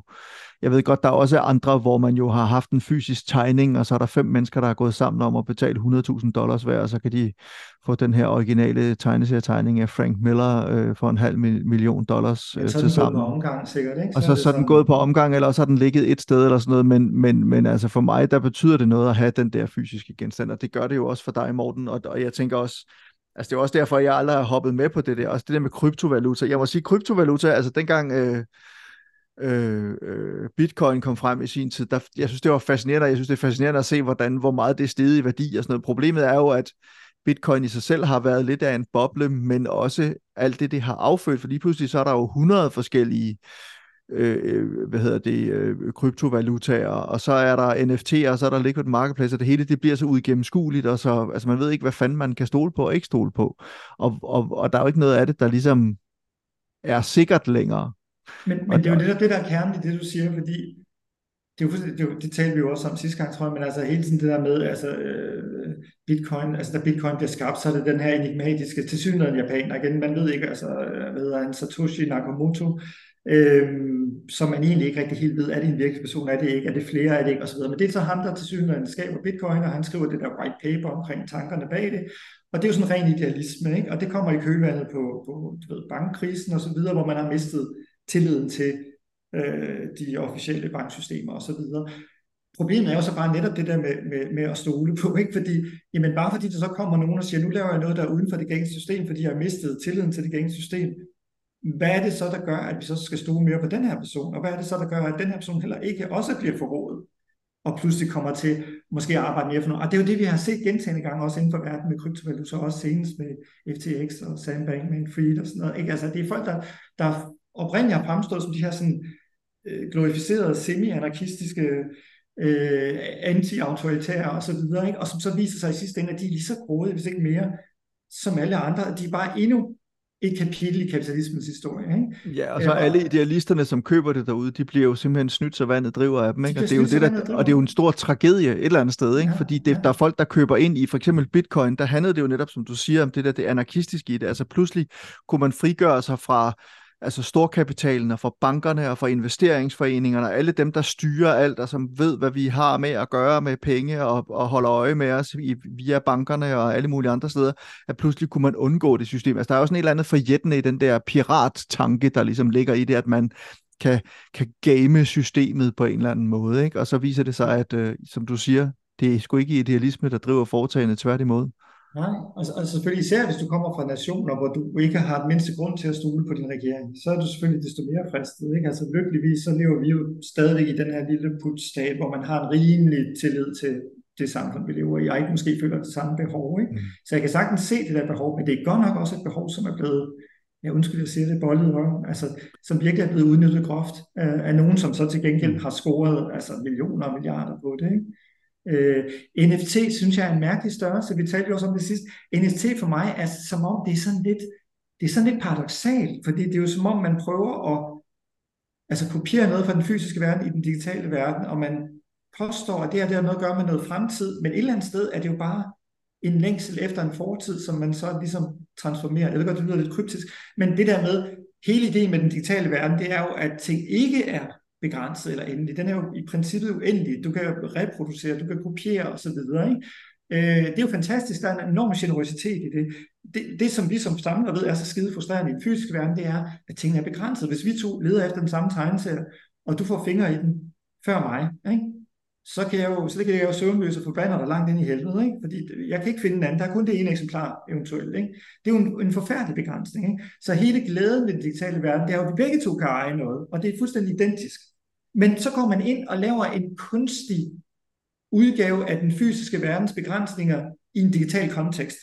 Og så igen, så kan, jeg, så kan jeg godt se sådan oprindeligt, så har man sagt, jamen det var egentlig for at sikre rettighederne hos for eksempel nogle grafiske designer, så de her, det kan jeg godt se, hvis man brugte det på den måde, men det meget hurtigt røg man jo væk fra det, ligesom ja. man også meget hurtigt kom. Jo, jo, og det, det betyder, at man replicerer jo i virkeligheden altså den, den, den analog måde at gøre tingene på, eller anskue ja. værdi på, og det vil sige, så begynder så giver det lige pludselig ikke længere nogen mening, at det, det er mening, den digitale det, verden. Jeg tænker også, det appellerer jo ikke til fremtiden, for jeg tror, at den næste generation, vores børn osv., de er da skide ligeglade med sådan noget NFT-pis. Ikke? Ja. Det appellerer til sådan nogen som os, at de håbede, og de ramte sikkert også mange som os, som både, du ved, hænger lidt fast i en fortid, husker de gode gamle dage, men gerne vil være med på noderne. Nå, men altså, jeg, når, når, når Monty Python pludselig lancerer en NFT, eller øh, øh, en af mine favoritinstruktører øh, og, og underholdningsbranchemennesker, Kevin Smith, han pludselig lancerer en NFT, så bliver man der, så trækker det der lidt i en, at man tænker, ej, jeg er da nødt til at have en, have en af dem, det kunne da være sjovt, og sådan noget, ikke? Men, men omvendt så, at det er så dyrt, og det er så flygtigt på en eller anden måde. Jeg har aldrig helt købt, jeg har aldrig købt noget af alt det der, og jeg har aldrig helt købt tanken om det heller. Jeg har heller aldrig købt bitcoin eller noget som helst andet. Men, men, men jeg har da været tiltrukket af tanken, og til dels også forført af den. Jeg kunne godt lige tænke mig, inden vi, jeg synes også lige, vi skal lige nå at snakke lidt om, om Laurits, men, men lad os lige, øh, fordi det, så kan man så sige, at altså alt det her, det snakkede vi om tidligere, ja, men, men øh, i, i, den, i den forrige, øh, i den forrige øh, program eller afsnit, hvor du var med, Morten, men nu er der så kommet lidt mere på omkring, øh, lidt flere detaljer på omkring øh, Logan Paul, og i virkeligheden måske var det et stort svindelnummer og sådan noget, men det der så også er interessant i forhold til Ken Golden, er jo, at Logan Paul rent faktisk er med i øh, den her serie, uh, The Golden Touch. Nej, det hedder det ikke. Hvad fanden er den hedder? Den hedder, ja. nu har jeg glemt, hvad den hedder igen. The King of Collectibles hedder den. The King of Collectibles. Og, og der dukker han jo pludselig op, og der er han hjemme og besøger ham faktisk i den der, øh, i den der sal, han har, hvor han har sin øh, wrestling-ring. Mm. Eller sådan noget. Der sidder de så og åbner nogle, øh, jeg kan ikke, er det Pokémon-kort, eller er det nogle andre kort? Eller sådan De sidder i hvert fald og åbner ja.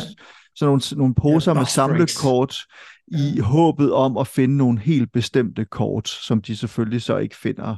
Og så sidder de sådan og, den her, den har en værdi på 10 dollars. Åh, det her, det er ikke en skid værd. Det er 100 dollars. Det er slet ikke noget. De leder fuck efter det, det her ene det. kort, ja, ja. der er 50.000 dollars værd, eller hvor meget det nu er. Ikke? Øhm, og, så, og sådan er der jo flere af sådan nogle ting i, i, i den der, hvor, altså der optræder jo også, altså Mike Tyson er med, øh, øh, rapperen Drake er med. Øh, der er jo forholdsvis store navne med i, øh, i, i den her øh, øh, King of Collectibles. Øh, fordi han har den der berøringsflade, og fordi at altså Mike Tyson vil gerne sælge nogle af sine ting, jamen, så kommer han til, til Ken Golden med dem og sådan noget. Og det er der sikkert også en god grund til det. Altså, han er sikkert god til at sælge tingene, så de får en, en, en høj værdi, og så folk de tjener penge på det og sådan noget. Men, men, øh, men ja, det er, øh, det er en, en lidt, lidt træls serie på mange måder. Men det, men det er igen det der, som vi taler om, altså det er så mærkeligt, eller mærkeligt, men at det er, altså nu bliver det igen helt konspirationsteoretisk, ikke? men det der med, det er alt sammen ligesom connected eller forbundet til hinanden. Det der med Logan Paul dukker selvfølgelig op i den Golden-serie der, ikke? Øh, I den her øh, seneste afdækning af, af også ham, øh, Shine, øh, ham der sælger øh, papkassen der, der er det sådan, at han har hele tiden nogle undersåtter, der også er med til at hjælpe ham og sælge det ene og det andet. Og der, der bliver han spurgt ind til dem af Rally Pokémon. Altså, hvem er de? Kan du, kan du ikke give mig navne på dem? Og så videre. Det vil han ikke rigtig ud med. Men det eneste, han så siger, det er, de arbejder nu for Golden. Og det, det er nogle gode nok fyre, og de er regulære nok. Men et eller andet sted tænker han, ja, selvfølgelig arbejder de for Golden Options nu. Ikke? Altså, det er som om det hele det bare falder på plads. Og, og der er sådan, jeg må sige, altså nu har jeg selv købt, øh, har jeg købt noget hos Heritage, det kan jeg faktisk ikke huske, men, men altså der er sådan, jo flere historier man hører, jo større afsmag får man også for at købe altså, jeg, fra de der ja. store auktionshuse. Blandt andet, altså Golden Auctions der, ja, altså man har ikke lyst til at købe noget derfra, fordi man føler lidt, at man bliver tørret i røven ligegyldigt, hvad fanden der så end sker, ikke? Altså, der, der er nogle enkelte auktionshuse. Du er med til at finansiere et par liter benzin til privatflyet, jo. Jamen, altså, der er sådan noget som Prop Store, når de afholder deres auktioner, eller Bonhams, eller Christie's, eller Sotheby's, eller Brun Rasmussen for den sags skyld, har jeg ikke noget problem med at købe ting fra, men der er nogle andre altså også øh, Laurits, hvor jeg altid var lidt bekymret for at skulle købe fra. Jeg vil også være det med, med, netop med, med Heritage, og med også til en vis grad i hvert fald, og så også især med, med Golden Auctions der og sådan noget. Men, men altså, øh, Morten, lad os lige prøve at vende blikket mod Danmark, øh, skråstreg Sverige, skråstreg, jeg tror, har de ikke også haft en afdeling i Tyskland, eller sådan et eller andet, øh, laurits.com, øh, som jo nu, øh, jeg, jeg tror hele deres øh, kundekatalog og, og alt, hvad der ligesom var til salg og ikke til salg, og øh, jeg ved faktisk ikke helt, altså muligvis også navnet, altså alt er jo blevet købt af, hvad er det, Helsingør Auktionshus, øh, tror jeg det er, eller sådan noget af den stil, der har købt det øh, og muligvis så vil begynde at, at, at, at sætte nogle af tingene til salg igen, eller ligesom honorere nogle af de ting, der har, der har været problemet med. Men prøv, prøv lige at lad os lige prøve at se, altså hvad er det egentlig, der er gået galt hos Laurits.com, udover at det selvfølgelig har noget at gøre med en forretningsmodel, der ikke har fungeret. Altså det, økonomien har bare ikke været god nok til, at det kunne løbe rundt. Og det de jo så har gjort, det er, at de jo nærmest har forvandlet til sidst auktionshuset til et gigantisk pyramidespil, ikke? Øh, hvor de har taget pengene fra det, de har solgt, og så ventet, i stedet for at udbetale pengene til, til, til dem, der så øh, har, solgt tingene via laurits.com, så har de brugt dem på at ja, på at få forretningen til at løbe rundt i det daglige. Ikke? Ja, og måske også nogle af deres private skapader, det ved jeg ikke. Der har været meget diskussion omkring deres eget privatforbrug også. Og, øh, men, og der, der øh, snakker vi om det der dansk-svenske ægtepar, ægtepar som, som, ja, med som ejer Laurits. Og, og hvad det nu er, de har. Øh, altså jeg må indrømme, også, ja. Nej, Nej tror, altså det, det, det, det, er ikke fordi, det er ikke fordi, jeg ved så meget om det, altså andet end jeg bare, altså man kunne jo se det gennem længere tid, altså gennem flere måneder, tror jeg, det var ekstra bedre, der ligesom var ude efter den, ikke? Og øh, et halvt år før de gik konkurs, var de jo allerede ude at sige, at, at kunderne ikke fik deres penge, og kunder var ude og brokse, og de blev jo ved med at komme med øh, dårlige undskyldninger, og nej, nu har, så tror jeg, at de på et tidspunkt, så satte de jo et eller andet betalingsfristen op fra 30 til hvad, 45 dage, eller 60 dage måske endda, og så var forbrugernævnet ude og kritisere dem og sige, at det var ikke øh, god forretningsførsel. Øh, så, så ja, altså det er jo det, der har været så dybt problematisk, at de jo godt vidst, de burde i hvert fald have vidst, siger man, de folk, der har forstand på det, at når man kigger på regnskaberne og økonomien og så videre og gæld, at, at, altså, at, øh, at det gik altså kun én vej, og at man måske altså, så, så det har jo været uansvarligt. Øh, og, det, og jeg ved ikke, nu er, det jo ikke, nu er de jo stadigvæk ved at afdække øh, hele misæren, ikke? Men, men der har jo også været op og vende det der omkring, hvorvidt de kan gøre os personligt ansvarlige for det, fordi de netop ikke har øh, opført sig. Ja. Ja, ting, der har været adskilt. Ikke? Altså, de har haft, øh, der har været deres privatformue og deres private økonomi på den ene side, og så har vi haft Laurits på den anden side. Sådan skal det jo selvfølgelig også være. Men, men er det ikke det noget med, at der, noget, noget, der har været pansat i deres slot også? Og sådan noget, så der det vil også sagtens være, og, jeg tror ikke, det er, fordi de mangler penge. Altså selvom Nej. deres øh, i gåsøjne livsværk nu er, er, er øh, øh, faldet sammen. Men altså, det er jo interessant at se, fordi Laurits, altså jeg ved sgu ikke, hvor gammel Laurits er, men, men, men, øh, men det kom jo pludselig ind på det der auktionsmarked, eller ligesom at, at blive sådan et, et high-end alternativ til den blå avis, øh, samtidig med, at det var sådan et low-end alternativ til Brun Rasmussen. Det placerede sig et eller andet sted mellem den blå avis og Brun Rasmussen, kan man sige. Øhm, og alle de andre gul og gratis, og hvad fanden der nu ellers har været af den slags. Ikke? Altså, hvor man pludselig som, som privatperson kunne komme ind og få lov til at sælge nogle ting på auktion, som måske ville være sværere at få lov til at sælge hos Bruno Rasmussen, men som også måske var for dyre, eller trods alt for interessante til alligevel at sælge dem på den blå avis, kan man sige, hvor folk jo har nogle ret sjove forventninger til, hvad ting er værd. Altså hvis man sætter nogle ting til en bestemt pris i den blå avis, så er der altid nogen, der ringer eller skriver og spørger, om man vil tage imod halvdelen af, hvad man har sat det til. Ikke? Det, altså, det, er mig. det er mig, der gør det. øh, jeg, jeg, jeg, jeg tror, du er også en af dem, der brokker dig over, når folk de gør det. Ikke? Altså, du, det, det, er, det, det kommer ind på, hvordan man gør det. Altså, jeg, jeg, jeg, jeg synes ikke, der er noget i vejen for at prøve at bruge en pris. Det synes jeg godt, man må. Og jeg kan selv finde på det. Jeg synes, man skal gøre det på en respektfuld måde. Og så ja, ja, det er klart. Der er mange måder at gøre det på. Ja, ja. Men, men altså, man gøre det på en irriterende måde, hvis man... Ja. Men, men altså, så Laurits.com er jo så i løbet af hvad, 10, 15, 20 år mm, eller sådan noget, har de jo mm. vokset til at være gigantisk store, ikke? Og de har showrooms i, jeg tror, de har showrooms i Malmø og Stockholm i hvert fald, og de har haft det i Aarhus og i København, muligvis også i Vejle, og så har de haft det, tror jeg, også i Tyskland et eller andet sted. Altså, så man ligesom har samlet ting ind og sat på auktion på laurits.com, som ligesom har været sådan fra Nordeuropa, kan man sige. Skandinavien, Norden, Nordeuropa i en eller anden forstand. Mm. Øh, og det har jo selvfølgelig så gjort, at de har haft en stor rækkevidde, og det har også været et sted, hvor man virkelig har kunne købe og sælge tegneserier og andre samlerobjekter, kan man sige. Ikke?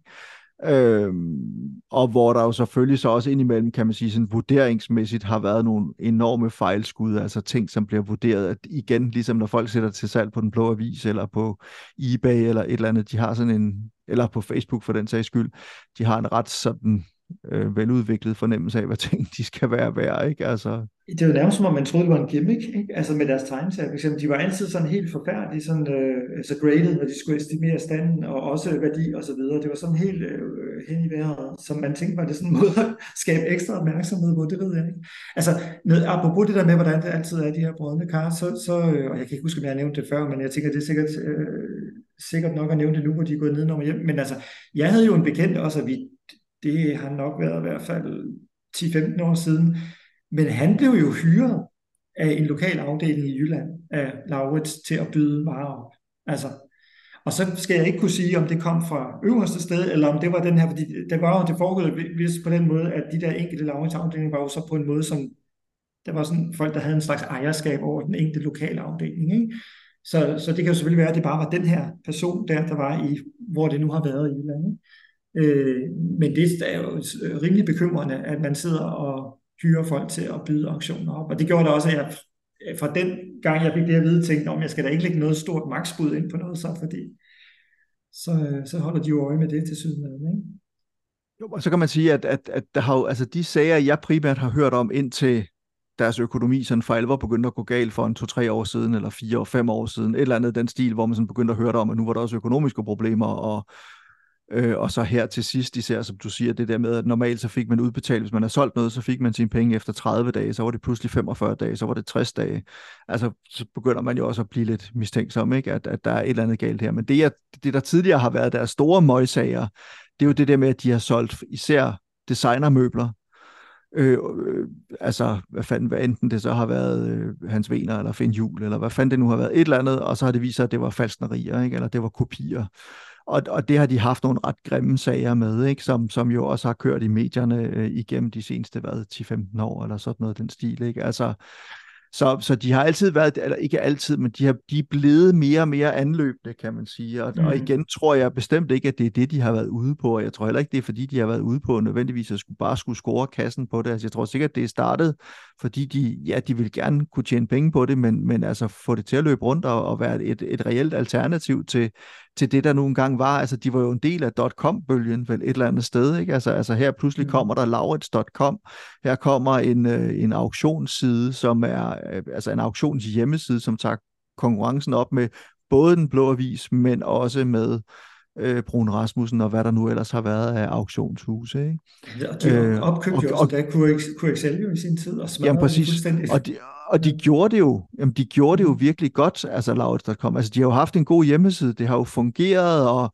og det har jo set godt ud, og der har været et stort udvalg af alt muligt, og sådan noget. Så kan man sige, altså, måske er de ikke helt fuldt med tiden, og de er måske blevet overhalet indom af nogle andre, og sådan noget, men, men, men altså, de, der var jo ambitioner i hvert fald, ikke? Øh, og det er jo så, som så mange andre .com busts, kan man sige, øh, så, øh, så er de jo blevet indhentet af deres, øh, deres egen øh, manglende forretningssans, eller en dårlig økonomi, eller et, et, et marked, som måske slet ikke har været der, som de troede var der. Øh, så, og, og, og, det, og det triste er jo selvfølgelig, så er der en masse mennesker, der har, er kommet i klemme i det, og har mistet penge på det, ikke? Øhm. jeg synes også, det er enormt trist, det der med, at man hører om folk, der altså, har indleveret arvegenstande. Ikke? Hvor altså et eller andet, jeg læste en artikel om en, jeg tror, en kvinde med øh, farens møntsamling, eller noget af det duer, ikke? Og, hvor det i forvejen havde noget affektionsværdi, og man har været lidt splittet, og man overhovedet har lyst til at sælge det, men om man tænker man, når jamen, vi kan forstå, at vi måske kan få 50.000, jamen så er det måske dumt, ikke? Men, og så gør man det sådan lidt nødtvunget, ikke? og så ender det med, at man altså, både mister den samling, og man mister også pengene. Så man har til ingen verdens nytte har man så øh, givet øh, sin fars øh, kæreste del væk. Ikke? Så, jo, øh, præcis. Og, og det, og, men som sagt, altså hele skidtet er så blevet købt, og jeg tror både, altså, og det tror jeg faktisk betyder, altså det er blevet købt af Helsingør Auktioner, tror jeg det er. Øh, mm. og, og, øh, og, og jeg går ud fra, at det så betyder, at, at man forsøger at svare en hver sit, og, og, okay. øh, og også må man øh, godt ligesom... det, eller hvad? Fordi øh, når de sidder og gennemgår sådan en konkursbog, så er der jo en masse kreditorer og så videre, og der siger man jo, at Jamen, de, de, det kan godt være. De, de, ja, de menige, øh, du ved, køber selv ja. som os, at vi står ligesom i bunden. Så så længe at der er en kæmpe gæld på 50 millioner, eller hvad det nu måtte være, ja. så, så er det der, at pengene skal gå. Øh, ja, og men det kan til, sagtens... Ja. Nej, nej, men det kan også sagtens være, at, at det gør det. Altså, jeg må indrømme, så meget har jeg ikke sat mig ind i det. Jeg sidder og taler med, løber lidt med en halv vind måske i virkeligheden, men, men det er dog trods alt har fornemmelsen af, det er, at de genstande, der så ligesom, altså ja, alt det, der har ligget fået, på lagerne. Ja, hvis, fået, hvis de har fået genstande ind, som endnu ikke er blevet solgt, Ja, så må så de gå tilbage endnu, til. Så kan de vel gå tilbage, vil jeg også mene. For så rent juridisk, så er det jo ikke noget, som Laurits ejer. Nej, præcis. præcis. Ja, så det burde kunne gå, blive trukket ud af et konkursbog, tænker jeg også. Øh, og det, det der er i hvert fald en, en lille trøst, men det er klart, ja. at, at alle dem, der så har solgt og jeg tror, det er vel, er det ikke et to, jeg ved ikke, om det er et trecifret millionbeløb, men det er i hvert fald et tocifret millionbeløb, som folk er gået glip af derude, som mm. har solgt, og som ja. ikke har fået de penge, de havde, havde krav på, om jeg så må sige. Ikke? Jo. Øhm, jeg ved ikke, Morten, kan vi ikke finde på noget positivt at snakke om her til sidst? Uh, Jamen, så skal det være op til dig jo. Altså det, eller, det vil, har du haft en positiv samleroplevelse på det seneste? Jeg kan vise dig nogle ting, jeg faktisk lige har fået ind ad døren her inden for de ja. par dage. Altså, jeg ved ikke, om man kan kalde det samlerting og sådan noget, men jeg har jo ligesom været i gang med, og på det her tidspunkt, når man lytter til den her udsendelse, så er min crowdfunding-kampagne for min nye bog om, om uh, instruktøren Terry Gilliam slut. Øh, ja. så det bliver ikke engang en reklame på den. Men i forbindelse med det, der har jeg jo ligesom købt forskellige bøger ind og sådan nogle ting. Ikke? Og så blev jeg, kom jeg jo på sådan en, også fordi Gilliam jo var en, en meget vigtig del af Monty Python i sin tid. Og så kom jeg ligesom ind i sådan en, en uh, Monty Python øh, stime, hvor jeg tænkte, jeg er nødt til at have nogle af de bøger, Monty Python har udgivet, fordi dem har jeg faktisk aldrig haft. Så jeg har lige fået øh, sådan noget her, The Brand New Monty Python Pepperbook øh, ind ad døren, ikke? Sådan i ja. en, øh, du ved, med, med alt muligt sådan sjov, ser ud som om den er fra sådan et skolebibliotek og, og sådan nogle ting, ikke? som jeg synes er meget sjovt. Jeg har faktisk viser det så lige pludselig nu. To eksemplarer. Jo, en anden ting er, læg mærke til øh, de plettede fingre her, så tænker man, puha, hvad fanden er det for noget griseri, ikke? Men det er trygt. Det, det er trygt på, og det var noget, Monty Python lavede med vilje, sådan at når folk de tog dem ud i butikkerne, så stod de sådan og gned på dem og sagde, jeg vil da ikke have sådan en, der er så beskidt og sådan noget. Det sådan noget, synes jeg er, er sindssygt sjovt, ikke? Jo. Så, har jeg, øh, så er der den her fra øh, Monty Python and the Holy Grail book, og så er der noget Monty Python, ikke de høllige grællen, eller sådan et eller andet, du ved, halløj, de har skrevet, og så altså igen, det er manuskriptet, og så er det annoteret med masser af sjove breve i, og alt muligt andet, halløj. Så er der The Big, Monty Pythons Big Red Book, som naturligvis er blå, det er klart. Ja, det er klart. Øh, og så står der også Special New Hardback Edition, Den er naturligvis hardback. paperback, det er klart. Det, er, det er så ikke første udgaven, det er anden udgaven. Øh, Ja. men, men, øh, men altså sådan noget er sjovt. Der Men er, Christian, er du sikker Ja. på, at det ikke er første udgave? Fordi kunne de ikke bare i telefonen skrive anden udgave for at drille en samler som dig? ej, jeg ved, at, at øh, første udgaven, der stod ikke det der med, det der med hardback edition, det var noget, de skrev på anden fordi udgave. jeg tænkte, det, det ville da også være naturligt, de lavede det, eller de lavede Men første hed- udgave andet oplag. Men den hed bare, øh, den hed også stadigvæk øh, Monty Python's Big Red Book i første udgaven og var blå. Ja, Men ja. det der med hardback var ikke tryk på den. Og den sidste ting, som jeg synes er meget sjov, det er The Life of Brian, som er sådan en stor, meget stor ting her med en, en flot øh, tegning øh, og illustration af Terry Gilliam øh, på Ja. forsiden, og som så er igen manuskriptet, alle mulige billeder fra filmen og alt muligt halløj og sådan noget. Det, det fandt jeg sådan tilfældigt på et, et antikvariat, som hedder Hvad Skovsøen gemte, Med Skovsøen gemte. som Okay. har ligget øh, uvirksomt hen, tror jeg, i et årti nærmest, eller sådan noget af den stil. Altså, de har simpelthen haft... Indtil, indtil du henvendte dig. Nej, men det sjove er, at de har haft et kæmpe lager af bøger, som så har ligget, og der har ikke rigtig været gang i det her antikvariat længe og sådan noget. Nu deler de så lokaler med Odense Antikvariat i Odense, og er nu genopstået kun som et online antikvariat. Og det er Ja. faktisk for forholdsvis nylig, og da jeg så laver den her Monty Python søgning på en af de der findbogen.dk eller bogtorvet eller sådan et eller andet den stil, så kommer alle de her næsten første udgaver af Monty Pythons bøger frem, og så bestiller jeg hele lortet, og øhm, så det er lidt til samling, og jeg synes, de, jeg synes, de er enormt sjove, altså, fordi de var jo så åndssvage, Monty Python, ikke? Og de gør jo grin med alting og sådan noget, og det synes jeg er sjovt. Og så kan jeg så fortælle, at, at jeg har lige øh, kort tid inden vi laver den her, øh, optager den her, øh, det her afsnit af samlerne, har jeg lige interviewet Michael Palin til min bog om Terry Gilliam. Og der viste jeg ham de her bøger, og der blev han meget glad og rørt over, at, at der var nogen, der stadig syntes, det var sjovt og sådan noget. Så mindede han det, fordi der er nogle af dem, som han faktisk har skrevet og sådan noget. Så, så det var lidt sjovt. Det var fint. Så det er, hvad jeg sådan sidst har købt Ja. øh, ind til min øh, samling. Jo, så ligger der faktisk, måske kan du se det lige i baggrunden derovre over min skulder, over på min øh, sovesofa, som jeg har herinde på mit kontor. Der ligger der et Lego-sæt udgivet i forbindelse med Disneys 100-års fødselsdag, som, øh, med, med sådan et, et, et filmkamera og Mickey Mouse og Minnie Mouse og sådan noget. Det er jo lige dig. Jamen, det er jo godt. Det har jeg også lige købt. Så det er, hvad jeg har købt. Hvad, hvad med dig, Morten? Har du ikke noget Jamen, positivt samler? øh, Noget jo, jo, jo. Jamen, jeg har et par stykker, som jeg har været glad for. Hvis jeg skulle nævne noget på det seneste, så øh, det første, det er jo, øh, at jeg endelig, endelig, endelig fik fat i familiejournalen nummer 39 fra 1940. Og hvis jeg siger familiejournal nummer 39 fra 1940, hvad tænker du så? Så tænker jeg, at det er det første nummer, hvor Fritz the Cat er med i. Fritz the Cat? Nej, det er vel det første nummer med su- super, Superman, tænker jeg på dansk eller sådan noget, ikke? Jamen, det er fuldstændig korrekt. Øh, og det, det, det har jo mantret mig, ikke? Altså, fordi jeg har jo alle de her gamle Superman-blade, øh, men jeg har ikke rigtig kunne, øh, kunne få fingre i den der første der, eller i hvert fald ikke til noget, jeg gad at betale.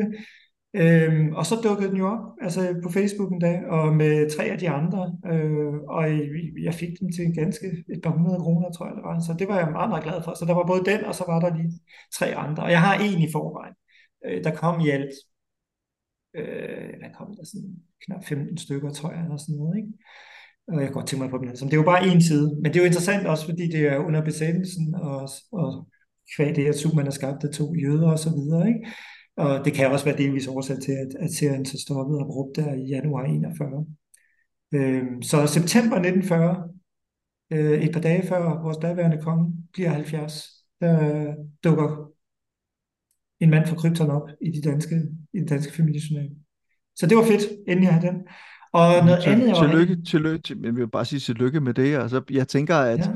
Ja, nu kan du, jeg, når øh, en anden, den anden Morten, Marvel Morten, han lytter, Morten Søndergaard Ja, lytter jeg tror, jeg sendte her ham, jeg sendte ham billede af, jeg sendte Ja. ham selvfølgelig hurtigt et billede af det også, så han kunne se det og beundre det, ikke? Ja, præcis. Han blev jo nok lidt misundelig over det, fordi han er jo, Ja. han er jo faktisk, han holder jo faktisk foredrag. Hvis man skulle have lyst til at høre et foredrag om Supermans udgivelseshistorie i Danmark, som faktisk også handler om den gang, og handler om, hvorfor den stoppede, og om, hvordan nazisterne reagerede på Superman i danske medier, og sådan noget, så skal man hyre øh, Morten Søndergaard til det, fordi det, øh, det har han et ret spændende foredrag om. Det vil jeg og gerne høre, sig meget med. Ja. Jamen det vil jeg gerne høre. Også fordi, altså, ja, når jeg selv siger det, så er jeg sådan lidt påpasselig med, hvordan jeg skal formulere det, fordi jeg mistænker, at der er meget spekulation, og måske ikke så meget dokumentation. For eksempel det, at man siger, som jeg også lige selv antyder, at øh, så bliver serien stoppet, fordi det er to jødiske skaber. Jeg, jeg har ikke set nogen endelig, du ved, hvis jeg skulle sådan gribe det an som historiker, så tror jeg ikke, jeg kan se nogen endelig sådan, dokumentation for det, så er det ren spekulation. Øh, så det, Altså, det vil jeg, jeg jeg, så jeg, heller jeg, ikke jeg helt- høre, hvad Morten har, har fundet frem. Ja, men det, det, det, kan, det kan være, at vi kan få ham til at lave et radioforedrag en dag. ja. Men, men jeg ved i hvert fald, det er noget, han har dykket meget ned i. Han har siddet og forsket og undersøgt og, og researchet ind på det kongelige bibliotek okay. og bladret i gamle... Han har higet og søgt i Ja, gamle, og søgt, ja. ah, gamle bøgt. Det virker ikke helt Ja, ja. Nej, men øh, ja, jamen jeg kan også Han har... huske, at Han, ja, undskyld. Jamen, jeg kan også huske, at han har vist mig de her gamle, også de her øh, folkeskoleblade, der kom i 50'erne, også op i forbindelse med tegneseriehetsen og så videre, hvor man allerede begynder at skrive om det der, før at Tør Park Strausen udgiver sin bog. Så det var også ret spændende. Præcis. Så det vil jeg gerne høre en dag. Det må du, kan du få ham ind og snakke om det, eller skal vi, skal vi lave et eller andet bagholdsangreb ude på Amager? Nej, jeg tror, vi skal have et bibliotek til i, i, i hovedstadsområdet til at hyre ham til at holde det her Ja, foredrag, og det så skal, vi ud og, og så skal vi ud og lytte til det. Så hvis der er nogen bibliotekarer, som har magt til den slags, til den slags magt og akt, så hyr lige Morten Søndergaard til at komme og holde et foredrag om Supermans udgivelseshistorie i Danmark, fordi så kan Morten Lykkegaard og Christian Mongård komme og høre det. Så simpelthen for vores skyld. For vores skyld. Og for rigtig mange andre skyld. Jeg er sikker på, det Det tror jeg faktisk også, Ja, ja. det tror jeg også. Den anden ting, Den anden ting, det var bare, øh, og det er ikke, fordi det har nogen stor samlerværdi, men det er noget, som jeg finder utrolig stor glæde ved. Men det er jo øh, Jack Kirby, som sagt, som jeg allerede har nævnt nogle gange, øh, og som jeg jo elsker mere og mere, jo, jo ældre jeg bliver, og som jo er den, det skal vi lige huske at understrege igen, igen, igen, den primære skaber af Marvel-universet, selvom Stan Lee bliver krediteret for det. Men da han døde i 94, øh, så var der jo en gut, der hed John Morrow, som begyndte at udgive et magasin, der hed The Kirby Collector, og øh, som førte øh, den anden Morten også har, og som jeg også har stået og beundret hjemme hos ham, og været selvfølgelig dybt misundelig over, jeg ikke selv havde, fordi de er ikke sådan lige til at finde altid. Selvfølgelig kan du, hvis du virkelig gider på dem hjem fra USA, og så kommer der en masse told og gebyr og det ene og det andet, fordi de, de er jo ikke så dyre i sig selv, de bind, men, men da de er kommet på sådan et lille øh, privat eget forlag der, ikke?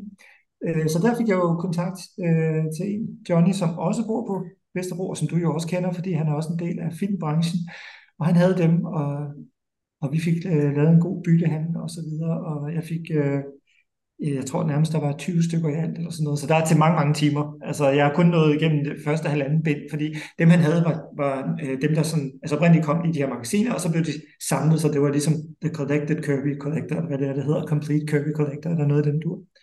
Øh, og det er bare sådan meget nørdet, altså, og jeg elsker sådan noget, altså med øh, alle mulige små pudsige artikler om alle mulige øh, små afkrog af Kirkys produktion og værk og øh, aftryk af hans, øh, især af, hans oprindelige blyantstegninger, altså før de ligesom bliver inket eller rentegnet af hinanden.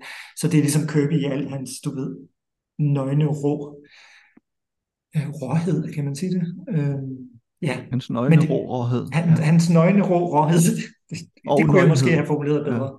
Ja. ja, men jeg tror, man får en idé om, hvad det er, jeg prøver at sige. Ikke? Øhm, men ja, det elsker jeg. Det må jeg sige. Dem er jeg meget, meget glad for. Øh, så det tror jeg, det er de to ting, der i hvert fald har gjort mig glad.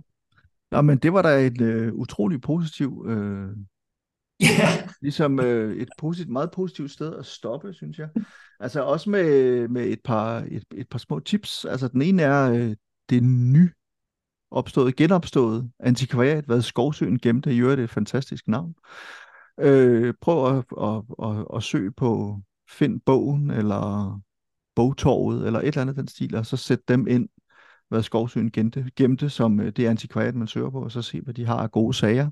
Man gør, der er også mange andre antikvariater, der har gode sager, men altså nu opdagede jeg bare lige dem, at de var genopstået. Øh, og ikke fordi jeg kendte dem før, det gjorde jeg overhovedet ikke, men jeg synes øh, både navnet og det, at de var genopstået, og det, at de havde de her fede øh, Monty Python ting, det synes jeg var ret fantastisk og de er nu Øh, hovedsponsor af din podcast.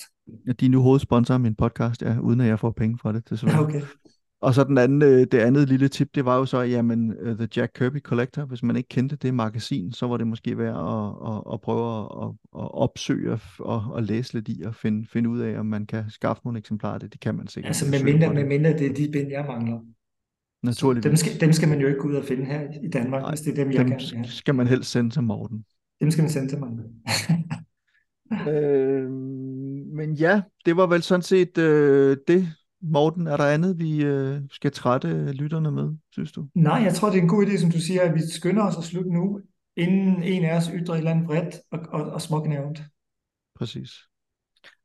Jamen, øh, så vil jeg vende tilbage til en, en, så kan jeg lige godt nævne en tredje ting, jeg faktisk har købt til min samling her for nylig. Det er via Vangskov, det her antikvariat inde i København, som sender sådan nogle øh, øh, e-mail-kataloger ud, øh, sådan et par dage før, eller tre dage, fire dage før, at, at alle andre får, øh, får adgang til dem, så får man dem, hvis man er på deres mailingliste. Og der så jeg simpelthen en, øh, en selvbiografi af Osvald Helmut fra en gang i 60'erne, som var signeret af Osvald Helmut selv.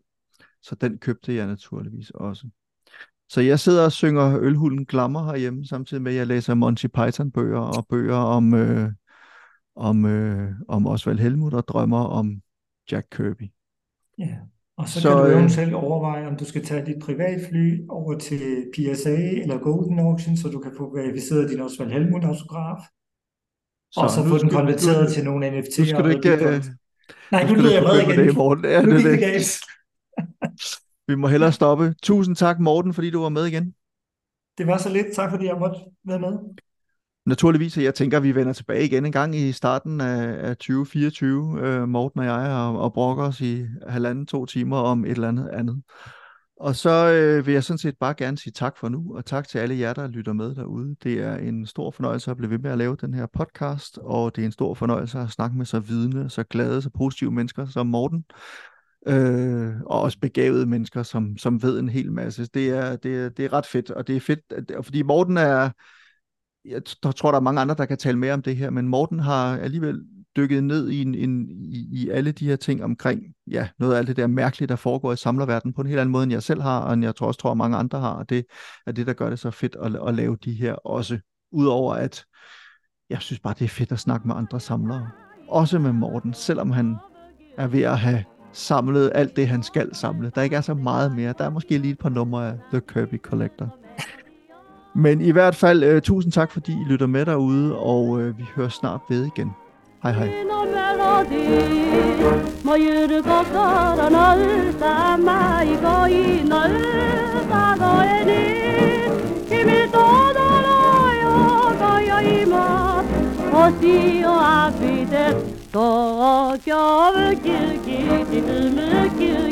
心ズキズキワクワク世界の歌楽しい歌東京ブキウキブギウギ陽気な歌東京ブキウキブギウギ正義の歌歌え踊れよブギウギ